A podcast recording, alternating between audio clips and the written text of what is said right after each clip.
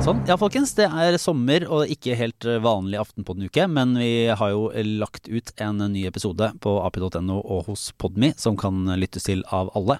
Eh, Og det er en eh, mer sånn sommerlig podkast-anbefalingsrunde, Trine. Ja, det er rett og slett. Skal du male en vegg i sommer, skal du gå en tur, skal du gjøre et eller annet eh, så du skal bare ha noe på øret, så har vi ørten tips om hva vi har hørt og anbefaler at du hører. Hvor vi går litt inn i det, da. Eller hvis du skal smøre deg med solkrem, og det skal du jo, ikke sant? Så kan man høre på podkast som vi anbefaler. Og vi kan vel si at eh, våre anbefalinger strekker seg fra sånn hvordan kan du bli smartere, bedre forberedt på å møte samfunnsdebatten når du kommer tilbake fra ferie, eh, fra det til mer sånn hvordan kan du flykte inn i noe helt uviktig og tøysete, Ja, og kanskje ha det litt hyggelig mens du glemmer verden rundt deg. Og det du får, altså vi, vi snakker oss litt gjennom deler av denne lista som vi også har lagd, men hele lista med episodene ligger i Podme helt uh, klappet og klart. Så man kan egentlig bare trykke på play og spille av, og så går den, og du får altså uh, kvalitets ferdig testa uh, podkastmateriale som vi mener da oppriktig vil gi, uh, gi en uh, god sommer, ikke sant? Ja, det mener vi, og det er ikke, vi, det er ikke oss sjøl vi anbefaler. Bare understreke Nei, det. jeg vil si at Det er mange andre som er flinke å lage podkast. forbilledlig rause med å ikke anbefale oss selv.